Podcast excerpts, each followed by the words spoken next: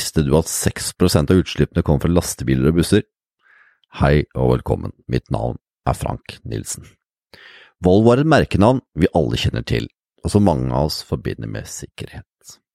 Men visste du at direktøren for Volvo i 1972 sa følgende? Vi er en del av problemet, men vi er også en del av løsningen. I dagens episode snakker jeg med miljø- og innovasjonssjef Lars Mortensson i Volvo. Vi er innom alt fra juks innenfor bilindustrien, til Elon Musk og hvilken betydning hans innflytelse har hatt på elektrifisering av kjøretøy. Vi er innom klimautfordringen, klimanøytrale fabrikker, og én ting som virkelig, virkelig fanga min interesse, det var hvordan de ser på innovasjon og hvordan enkeltindivider får muligheten til å komme fram med sin idé. Og ikke minst er det en person som ikke har noen Volvo å gjøre i det hele tatt, men du har kommet på en glimrende idé, så kan du ta kontakt, du får lov til å spare på din idé, kanskje det blir en virkelighet. Det synes jeg er utrolig kult. Så jeg håper du koser deg like mye med dagens eh, samtale som det jeg gjorde, og tusen, tusen takk for at du hører på. Denne podkasten er laget med støtte fra Sparebank1 Østlandet. Den snart 175 år gamle banken har siden starten vært opptatt av å gi støtte samfunn og folk i nærområdet. Og som første bank i Norge tar de av overskuddet og betaler utbytte tilbake til kundene sine. Når det gjelder bærekraft, mener banken at det trengs mer kunnskap til folk flest. Bærekraft kan oppfattes som et ullent og vanskelig begrep. Men en bærekraftig utvikling er helt avgjørende for både oss og fremtidige generasjoner. Derav den podkasten her. Derfor jobber banken med bærekraft på alle tenkelige måter for tiden, og har også valgt å støtte denne podkasten, noe jeg er utrolig takknemlig for. Så da ønsker jeg Lars Mortensson velkommen. Du er miljø- og innovasjonssjef hos Volvo, Lars? Det stemmer det. Du har jo nå vært hos Volvo i 23 år, og jeg må spørre deg, hva er årsaken til at du begynte der? Og spørsmål nummer to er hva er årsaken til at du har vært der så lenge? Jag började för att eh, jag skulle hjälpa Volvo att eh, introducera miljöledningssystem enligt den nya miljöstandarden. Och detta var 1996 och, det var ett sätt för, för Volvo att få lite mer eh, Eh, struktur och lite mer eh, tydlighet vad man vill eh, uppnå med miljöarbetet. Och det, det som har gjort att jag sedan har stannat sedan dess det är ju utifrån att miljöfrågan har utvecklats enormt och Volvo är ju ett fantastiskt globalt företag där miljö har varit i fokus sedan många, många, många år. Vilket gör att det är otroligt roligt att vara med och driva de här frågorna i framkant i hela världen. Jeg tenker jo når jeg hører Volvo, så er det på måte synonymt for meg at Volvo er sikkerhet. Vil det si at i fremtiden så er målet at Volvo skal ha syn på både sikkerhet och miljö? Eller? Det hoppas jag, absolut. Och, och jag tycker vi, vi har en Också inom miljö har vi en historik som vi är stolta över, precis som inom säkerhet. Redan 1972 så blev miljö ett av våra kärnvärden och okay. vi har, i samband med FN-konferensen om miljö i Stockholm 1972 så gick vår VD och koncernchef ut och sa att vi är en del av problemet men vi är också en del av lösningen. Och det, och det har på något sätt präglat vårt miljöarbete sedan dess och jag tror det är det som också gjort oss väldigt framgångsrika och det är det som också gör att jag tror att i framtiden så kommer man förknippa Volvo väldigt mycket med miljö också. Det var väldigt intressant att man i 1972 satte det som en, satte det som en del av satsningen sin. Hvordan har det vært for dere i en bilindustri som nå har vært veldig mye utsatt for juks och den type ting? Ja, och om man börjar i den änden att eh, en viktig bit för oss som har drivit på utvecklingen initialt har ju varit eh, lagstiftning. Och eh, det, det, är ju så att med, med lagstiftning finns det alltid en liten eh, gråzon och, eh, det, och den här gråzonen kan det ju alltid finnas någon som eh, försöker utnyttja och eh, viktigt här då det är att eh, man hela tiden känner att man är på rätt sida och att vi eh, jobbar med att förbättra och se till att både lagstiftning förbättras och att våra produkter funkar på, på det sätt som det är tänkt att de ska göra. Och det, och det i slutändan så handlar det om eh, trovärdighet. Och det är trovärdighet för oss och det är trovärdighet för våra kunder. För det jag eh, fant det intressant i den perioden som vi såg att eh, Volkswagen blev tatt för juks med utslipp, och så var det det också så kom det fram att andra märken också hade haft lite uh, juks med data. Så hur har det varit för en uh, konkurrent som dere, som har sett det att uh, vet du vad, vi klarar ju inte ikke oppnå andre sine tall her, for de, hvordan skal det være mulig å gjennomføre? Blir man ikke frustrert når man ser at andre klarer å levere lavere utslippstall når det er basert på juks, eller? Jag tycker man, blir alltid frustrerad när det är någon som eh, utnyttjar denna gråzonen eh, som finns och någon som eh, uppenbarligen fuskar. Och, det, det, är ju inte bra för någon och eh, det, det är helt klart eh, så att eh, hela branschen har drabbats förtroendemässigt. För, för jag tycker ändå att när jag tittar på Volvo och, när jag tittar på mina kollegor så, så vi, vi är ändå ett för, företag som Eh, tar allvarligt på eh, miljöfrågan och vill göra vårt bästa som individer och som företag. Och eh, vi vill ju gärna självklart att hela branschen tar det på största allvar. Så det, är väldigt olyckligt när, när det finns de som fuskar. Det påverkar oss alla. Vi ser att det blir sålt mer och mer elbilar. Och ett exempel på det är ju att det var väl i Norge i alla fall Eh, det var ny rekord nå i, i mars, tror jeg. Folk registrerte nye elbiler. Hvordan har eh, Volvo hatt fokus på det med å gå fra, fra ICE-biler over til, til el? Ja, när, när det gäller så här, kommersiella fordon, lastbilar och bussar så, så, har det varit en eh, historik här där eh, bussidan har gått först. Oh ja. väldigt, mycket, väldigt mycket när det gäller el då och vi, vi har över 4000 el och hybridbussar i, i drift i världen. Har du det? Oh ja. Och, det, och det beror ju mycket på att det är de här bussarna de kör i städer och de, eh, och de här städerna de vill gärna att eh, kollektivtrafiken då görs på bästa sätt när det gäller miljö. Att, att de är tystare och att de har lägre utsläpp och att de också är bättre för eh, klimatet. Och det, det vi ser nu då det är ju att möjligheten finns nu att använda helelektriska lastbilar. Så nu drar oh ja. vi nytta av det vi gjort på ja. bussar och så för vi över det till våra lastbilar. Yes. Men är det möjligt att få god räckvidd på en lastbil som på bil eller? Absolut. Det, det, vi ser precis som för bussar det, det är ju faktiskt att eh, använda dem för distributionslastbilar och eh, eh, soplastbilar, avfallslastbilar i, i städer och ja. eh, i den typen av lastbilar så har man en räckvidd med eh, batterier på mellan 2 till 300 kilometer. Ah, yes. Vilket är mer än tillräckligt för att kunna köra en hel dag mm. inne i en stad. Så, så räckvidden är inga problem för den typen av lastbilar. Men, men, när vi börjar titta på lastbilar som ska köra lite längre sträckor så, så uh, håller vi på att titta på de möjligheter som finns där. För det, där är ju räckvidden också av betydelse. Ja, ladehastighet då kanske en utfordring? Absolut, det är det. Så dere har ju egentligen virker som dere har haft lite fokus på kollektivtransport? Ja, vi, om inom dagens eh, Volvo då så, så är det ju ett företag där vi jobbar med eh, bussar, lastbilar och eh, anläggningsmaskiner. Med, medan personbilssidan eh, såldes till Ford för väldigt många år sedan och eh, ägs idag av det kinesiska företaget Geely. Mm. Vi, vi, vilket gör ju då att eh, vi då till skillnad från våra kollegor på personbilssidan då, mm. tycker att det, är bättre att åka buss än att åka personbil. och vi tycker att eh, gatorna i Oslo och i andra städer hellre ska bestå av eh, lastbilar som kör in maten och kläder och annat och bussar som kör alla människor och kanske lite mindre personbilar i framtiden då.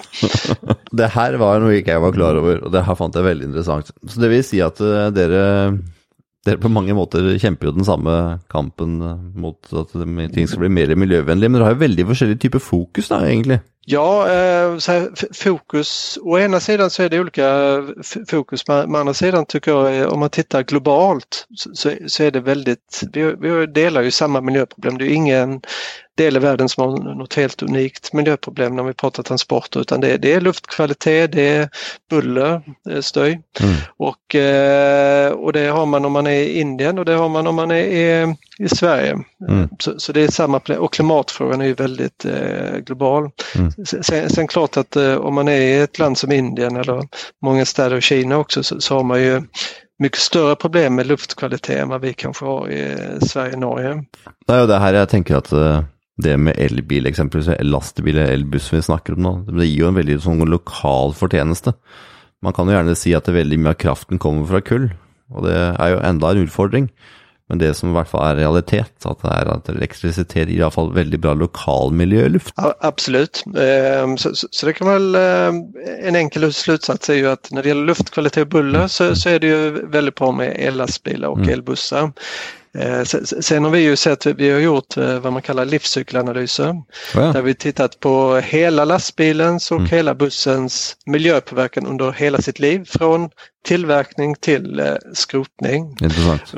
Och, och då har vi tittat på olika typer av eh, elmix. Mm. Vi har tittat på eh, kol, eh, kolel och man har tittat på vattenkraftsel och, och så vidare. Och, eh, det, det, det man kan se är att även med viss typ av kol Ehm, så, så kan det faktiskt vara lite, lite bättre för klimatet också med eh, den typen av elfordon. Medan då eh, Stenkol är, är väl snäppet sämre än diesel men i majoriteten av fallet så även när man kör på k- kolkraftsel så kan det faktiskt vara bättre Oi. för klimatet också. Ja. Eh, Och, och, och skillnaden är då, som är viktigt att komma ihåg, det är att en, om man säger, en lastbil används eh, så många fler timmar än en eh, personbil vilket gör ju att nyttan blir så mycket större Mm. eh, när man kör på el. Även om det skulle kunna vara i värsta fallet eh, kolkraftsel. Men, och det gör att vi säger för Europa och de flesta länder med den el som finns att tillgå så, så är ju elfordon bättre både för luftkvaliteten i staden men, också bättre för klimatet. Och, eh, så det ser väldigt eh, lovande ut. Så bra. Og det som eh, Hva det jeg leste, er det sånn at eh, transporten står for 6% av de totale utslippene, stemmer det? Er det sånt? Ja, om man tittar på Europa och om man tittar i om vi säger tunga transporter, godstransporter står för 6 eh, eh, och, och det stämmer för både Europa och i, i världen. Sen, sen i enskilda länder så kan det stå för li- lite mer då som i, i Sverige och Norge till exempel. Så, men, det innebär att även om vi är se- 6% globalt sett eh, så, så är det ändå 6% det är ändå en signifikant del och, eh, och, och det som skiljer sig mot eh, många andra sektorer det är ju att eh, tra- transporterna eh, ökar. Mm. Vil- Vilket gör att vi, vi har en utmaning att eh, efterfrågan på transporter ökar med kanske f- 50% fram nu till 2030 och det gör ju att då måste vi vara ännu duktigare på att minska utsläppen under den perioden. Vi ser nå Elon Musk eksempelvis og Tesla nå også begynner å se på dette med transport og lastebiler etc. Altså selvkjørende lastebiler etter hvert. Hva tenker dere om selvkjørende lastebiler i fremtiden? da? Eh, Det är någonting vi håller på att titta på. Eh, vi- Vi, ser ju, eh, vi brukar ofta prata om automatisering och det är ju det är en del av automatisering det är ju, det är ju självkörande. Antingen självkörande med en eh, människa i hytten eller en, ett helt självkörande fordon och vi har ju ett eh, fantastiskt eh, fordon som vi kallar Vera som är ett eh, självkörande fordon som är helt elektriskt eh, och även eh, uppkopplat och, och kan då utföra transportuppdrag eh, kortare sträckor. Som har. Och detta är ett fordon vi håller på att testa just nu. Ok. Når er det du ser for deg at eh, transporten eh, automatisk, da? At vi har automatis automatiserte lastebiler som kjører rundt og leverer? Jag tror man kan göra paralleller med eh, eh, robotar. Mm. För, för robotar är ju också ett sätt att eh, automatisera och eh, där, där robotar i industri och till exempel i våra fabriker eh, ersätter ju den typen av eh, arbetsuppgifter som är väldigt repetitiva eh, och, eh, och eh, arbetsuppgifter väldigt farliga och det är där vi också ser helt självkörande lastbilar komma först. Det vill säga det kan vara i en eh, gruva, det kan vara i en eh, hamn eller ett terminalområde. Ja. Det vill säga där det antingen är en farlig miljö eller en miljö där det är väldigt repetitivt och eh, det- där det kan finnas väldigt goda skäl att försöka ha någonting som är självkörande. Och det finns ett bra business case också på det. Sånn i forhold til bærekraft så handler det om eh, hele verdikjeden. Så hvordan er eh, helhetsperspektivet deres da i forhold til det med elbil? Eller lastebil i den, sammenhengen her? Ja, om, man, om man pratar hela värdekedjan då så, så, så är en väldigt central bit i det, det är ju våra leverantörer. Leverantörerna är ju väldigt viktiga när vi pratar innovation och automatisering men, men leverantörerna är också en väldigt viktig del när vi, vi pratar om vår totala påverkan och, och det är utmaningen med leverantörer om man tar det specifikt. Det är väldigt mycket hur ställer man krav mm. i hela leverantörskedjan. Det var en utmaning. Det är en utmaning ja, och om man tar ett viktigt område så är ju till exempel kobolt som vi använder mycket i elektronik och vi använder mycket i, i våra eh, batterier. Och, eh, då har vi ju en eh, leverantör som levererar batterierna till exempel, som har en underleverantör som levererar battericeller, som har en underleverantör och så vidare. Och det, och det, det blir många. Så, ja, och det, och det gäller att få he, hela den här kedjan till att eh, fungera och eh, jobba med detta och eh, eh både från spårbarhet och från ställa krav. Ja, klarar man det då? Ja, vi, jag skulle säga att det, det finns inget alternativ. Vi, vi, vi, måste äh, göra det och det förväntas också av äh, väldigt många i samhället, både av investerare och olika miljöorganisationer, att vi som företag måste försöka styra hela vår leverantörskedja. Men det är inte lätt. Det ja, det var vanskelig. Då snackade jag med någon som heter Transparency Norge. Och det handlar om att ting ska vara transparent. Då. Alltså, I forhold det med korruption och som säger om värdekedjor, att man inte gör fjuske med resultater osv. Hvordan har dere klart eller hvordan jobber dere for å prøve å ha mest mulig kontroll på verdikjeden, så dere jobber mot det samme mål med forhold till det med miljö? Ja, det, man kan säga att det är ju på lite olika sätt. Ett, ett sätt vi jobbar ju det är ju att um, att ha väldigt tydliga krav mm. och att eh, styra detta med avtal och där vi också ställer krav på att vår leverantör ska ställa krav på sin leverantör. Eh, den andra biten är ju att eh, följa upp, att eh, göra besök eh, hos leverantörer och eh, kanske ibland också hos nästa leverantörsled mm. för, för att granska att de lever upp till våra krav.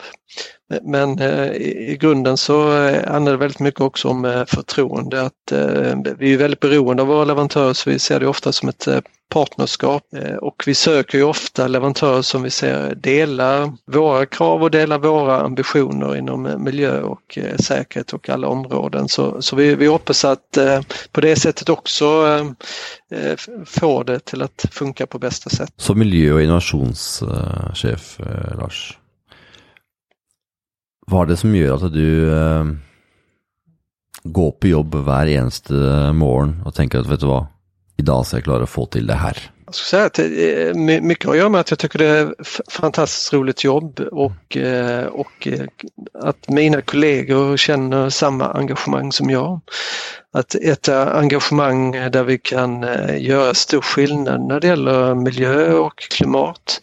Och, och att vi också har eh, möjligheten genom att ha ett eh, lönsamt företag som kan investera i framtiden att utveckla och prova te teknologi som kanske många andra företag inte har möjlighet att prova inom automatisering, uppkopplade fordon och inte minst inom elektrifierade fordon också. Spörsmålet är varför är det viktigt för dig? Jag, jag tycker det är att eh, man ska känna att man gör skillnad. Men jag känner att jag skulle inte vilja ha ett jobb där jag inte kan vara engagerad och där jag inte kan eh, vara med och påverka utan eh, man vill göra skillnad, man vill känna en eh, stolthet och det tycker jag det är fantastiskt med att kunna göra på Volvo. Var du med när du första gången lanserade en, eh, en el-lastbil? Var du med på det? Ja, det var jag. Vi, eh, allra första gången var i Göteborg och eh, av den första och nummer två var i Hamburg och det, det, jag får säga det, det var en fantastisk upplevelse. Både fantastisk och eh, se glädjen från alla som har jobbat med att ta fram de här lastbilarna, att äntligen eh, de får chansen att visa upp det, men också få se det, det stora intresset i hela världen för de här lastbilarna. Hvordan var følelsen Lars, når du på en måte har lyst til å gjøre en forskjell? Du har lyst til å være med og påvirke på den miljøutfordringen. Du har lyst til å være med på å være den som driver fram til at det her får vi til. Hvordan var da følelsen første gang du ser at vet du hva, nå har faktisk den lastebilen blitt en realitet? Um, ja, eh, ska säga det, det, det var eh, äntligen, skulle jag vilja beskriva det. Ehm, man vill ju, många gånger så är det ju, både när vi pratar innovation och när man pratar miljö och hållbarhet så tar man ju små steg hela tiden. Det är små förbättringar. Men med eh, ellastbilar och även med de gaslastbilar som vi har lanserade nyligen här eh, så tar vi ju stora steg. Stora steg både för att förbättra luftkvalitet och stora steg när det gäller att minska klimatpåverkan och eh, kommer kommer leda till att eh, vi kommer fortsätta att eh, kunna jobba och utveckla framgångsrikt även i framtiden. Men vad tänker du om klimatutfordringen då? Det skulle jag säga det är vår absolut största utmaning som eh, företag och eh, skulle säga även för mig själv som, mm. som privatperson så ty tycker jag den är otroligt viktig och, och, eh, och, och det, den skapar ett engagemang mm. och där tycker jag att man får ju tänka vad man kan bidra både i den lilla skalan och även i den stora skalan. Men vad är grunden till att den är viktig för dig personligen? Ja, för, mig, för mig personligen så ska jag kunna känna att eh, jag, gör det som eh, så, så, mycket som jag kan och har möjlighet till. Mm. Att, eh, det, det är både, man brukar eh, ofta prata om att man ska titta på hur man bor, hur man reser och hur man äter som är de tre stora, stora områdena för eh, varje individ. Och, eh, och här tycker jag också att för, för mig är det viktigt att vara en förebild eh, både mot mina kollegor men framförallt skulle jag säga en förebild mot eh, mina barn. Eh, för trots allt det är de som kommer att dra nytta av de förbättringar som vi gör och det vi försöker kompensera på något sätt för historiken som vi eh, lider av idag. Jag menar att vi har gjort lite uh, fel avgörelser tidigare eller, som vi nu måste rätta upp i? Jag tycker om man, om man tittar på uh, miljöfrågan i stort, om man tittar på klimat så handlar det väldigt mycket om kunskap. Mm. Man, skulle kunna påstå att vi, vi visste inte bättre. Sen, sen finns det säkert eh, någon forskare och annan som säger att men vi visste detta mycket tidigare än vi började göra någonting. Vi skulle agera tidigare och det, det är säkert helt rätt.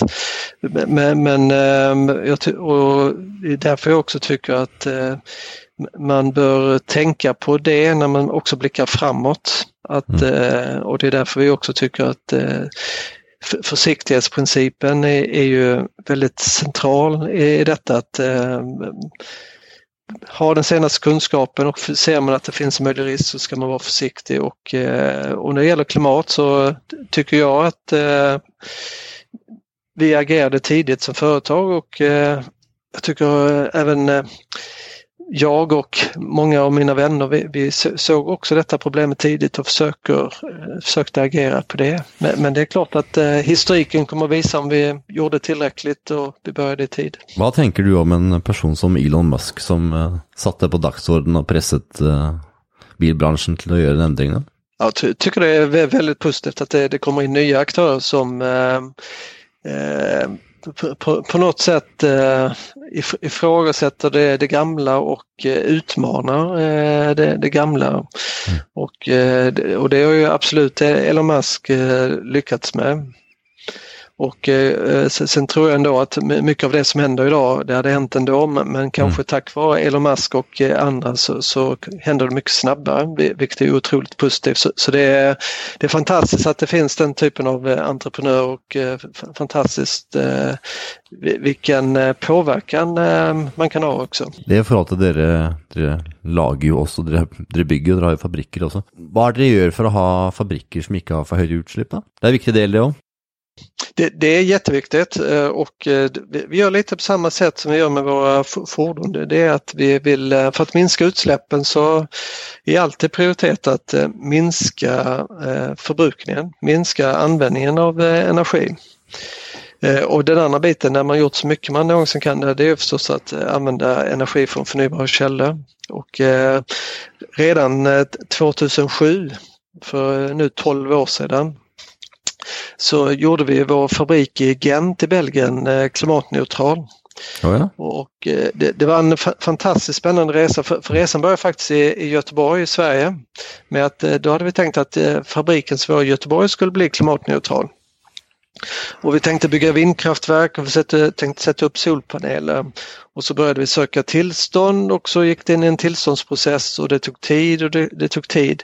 Eh, samtidigt så skapa detta intresse i vår fabrik i, i Belgien, i Gent och eh, de började titta in i detta och de hittade en eh, partner, ett energiföretag som heter Electrabel och eh, på ett år så byggde man tre stora vindkraftverk och eh, en anläggning för att göra all värme från biomassa och blev klimatneutral på ett år. Oj! Det är rekordsnabbt.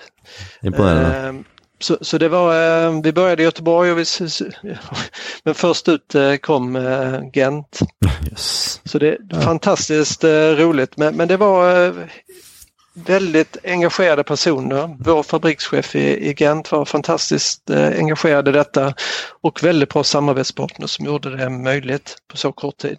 Jag finner det imponerande hur så stora organisationer kan klara att snu sig och få ting till på kort tid. Det är för det jag syns är spännande och intressant ved at vi står ovanför en utfordring, det er at eh, det krever at store industrier gjør noe for at man skal klare å få bedre luft, eksempelvis. da. Sånn som dere nå begynner å om fra lastebiler på vanlig på diesel om til da batteri eller gass. Ja. Og jeg tenker så, så at eh, en stor organisasjon er som en stor tankbåt som går mot eh, en retning, og det er veldig vanskelig å snu den tankbåten. Det tar tid. Men her klarte de da altså å snu om til å få en fabrikk til å bli klimanøytral på et år. Hva var det som gjorde at det var mulig å realisere? For det, det är ganska troligt att få till.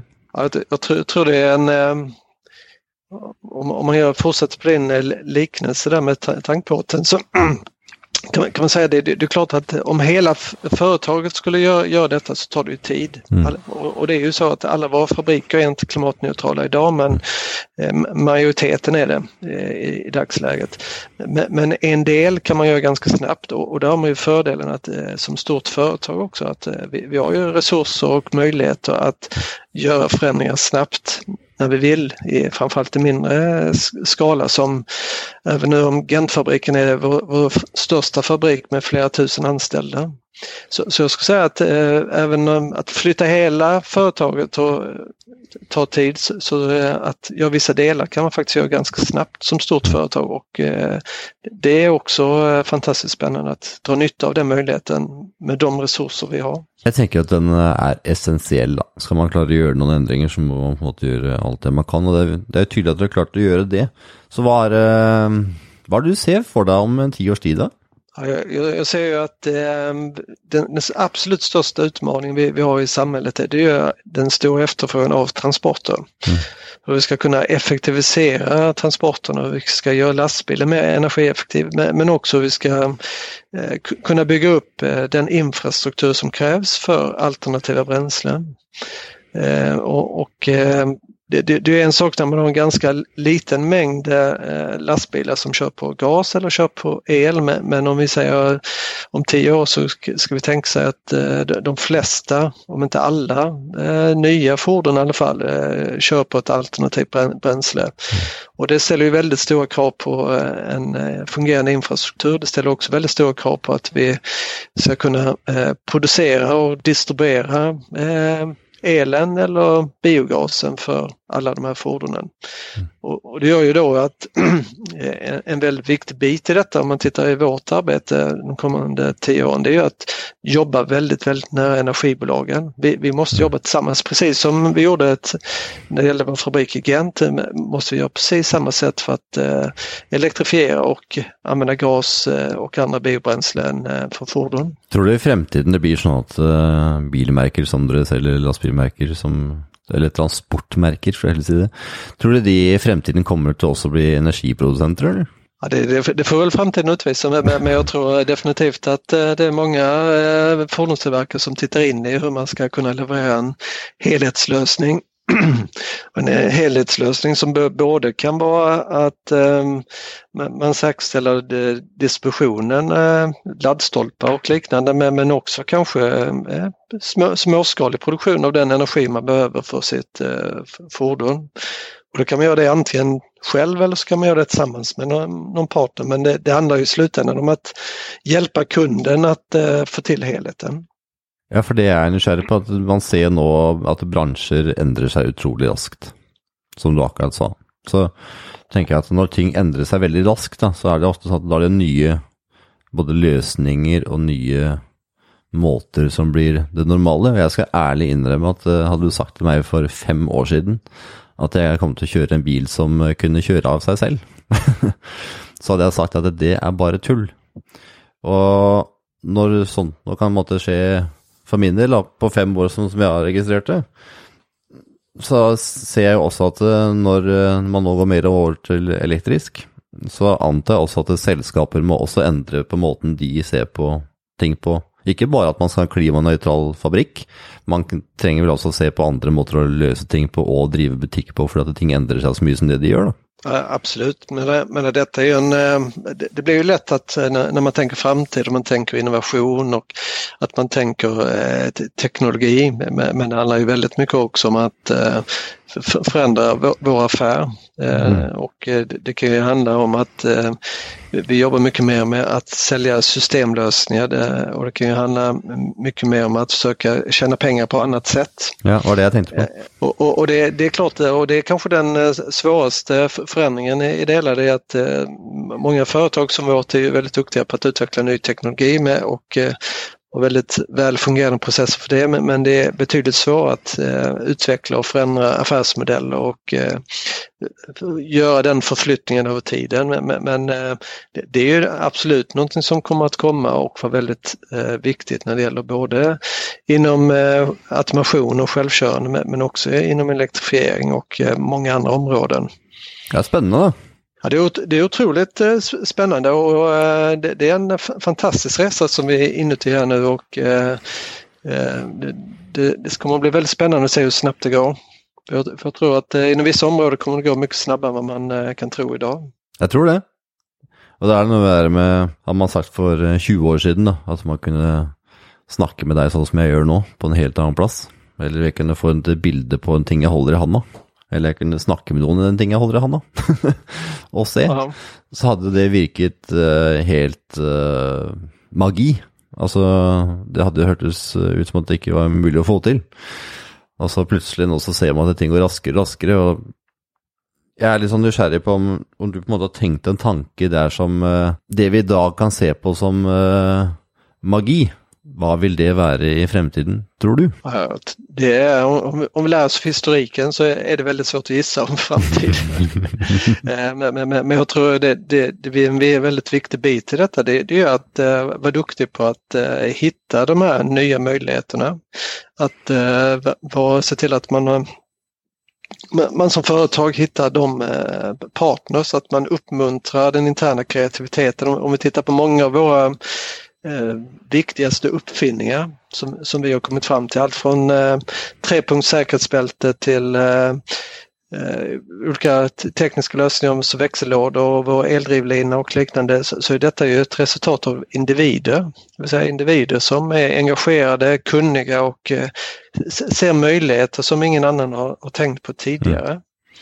Så, så eh, det är det som jag, vi, vi, vet ju inte vad som kommer att hända så det, därför det handlar mycket om att eh, försöka hitta detta och testa det och eh, uppmuntra till kreativitet. Ja, som sista fråga, Lars, så är jag nyfiken på hur är det disse viktige individene kommer frem hos dere? For det er ikke noen tvil om att det är ofta individer som kommer på en lur idé, och så må man liksom dra det fram. Og i en så stor organisasjon som det dere er, så lurer jeg på hvordan, hvordan kommer de frem og får lov til å vise at vet du, her har jeg en genial tanke, jag tror att det här kommer til å hjelpe oss? Vi, vi försöker på lite olika sätt men, men ett eh, traditionellt eh, sätt det, det är att eh, man presenterar sina idéer och så får man tid och pengar att prova denna idén. Och sen försöker man hitta sätt att få idén att växa, att utvecklas. Ja. Eh, ett, ett, ett, annat sätt eh, kan ju vara att eh, man ger idén en möjlighet att utvecklas utanför företaget. Att, att man låter personerna som har hittat på detta bilda ett eget bolag och testa idén där och när idén är mogen så plockar man in den igen. Men jag tror det handlar väldigt mycket om att i det dagliga att ge folk utrymme att vara kreativa, ge, dem möjlighet att eh, testa sina tankar och eh, inte eh, styra för mycket. Och eh, det är en eh, svår balansgång i en eh, stor komplex organisation att, där vi gärna vill styra, att försöka släppa lite taget och låta folk få möjlighet att utveckla nya galna idéer som vi kan ha nytta av i framtiden. Det var min sista fråga, jag måste bara följa upp med. Om det var en person som inte hade något med Volvo att göra det hele men så plötsligt kom upp med en kjempelurp idé på hur, bara ström då, bara för att ta ett exempel. Hur går man då fram? Ja, då, då, kan man kontakta nästan vem som helst på Volvo och så har vi eh, en process som vi kallar spin-in. Okay. Det vill säga att eh, där vi eh, utvärderar den här idén med en grupp experter och sedan så ser vi hur vi kan hitta bästa sätt att gå vidare med den. Så vi, vi försöker göra vårt allra bästa med att fånga upp de här idéerna som kommer till oss, både de interna men många externa också, olika uppfinnare och så och eh, se hur vi kan eh, utveckla dem som vi ser ett värde. Jag tror det är spännande Lars, och inte minst eh, tusen tack för att du tog dig tid att prata med mig. Jag syns det var moro att få ett inblick i hur en så stort koncern både tänker och opererar. Och för dig som lyssnar så hoppas jag att om du sitter på en jättegod idé så vet du i alla fall var du ska gå för att få testa ut om idén din är god. Og jeg tenker sånn så at uh, det med å ha ideer, de gir muligheter. Og det gir ikke muligheter bare for den som har ideer, men det gir muligheter for andre også. Så tenker mer på å ha muligheter, finne muligheter og ikke minst realisere muligheter, så tror jeg vi kan få til veldig mye. Det hoppas jag. Ett stort engagemang eh, och nära samarbete mellan massa olika aktörer så kan vi göra stora förändringar på kort tid. Vi kan få till utrolig mye, Lars. Det är morsomt, da. Er det? Ja, tack. Den är god. Ha det bra. Ja. Detsamma. Ja, Tack. ha det bra. Hej.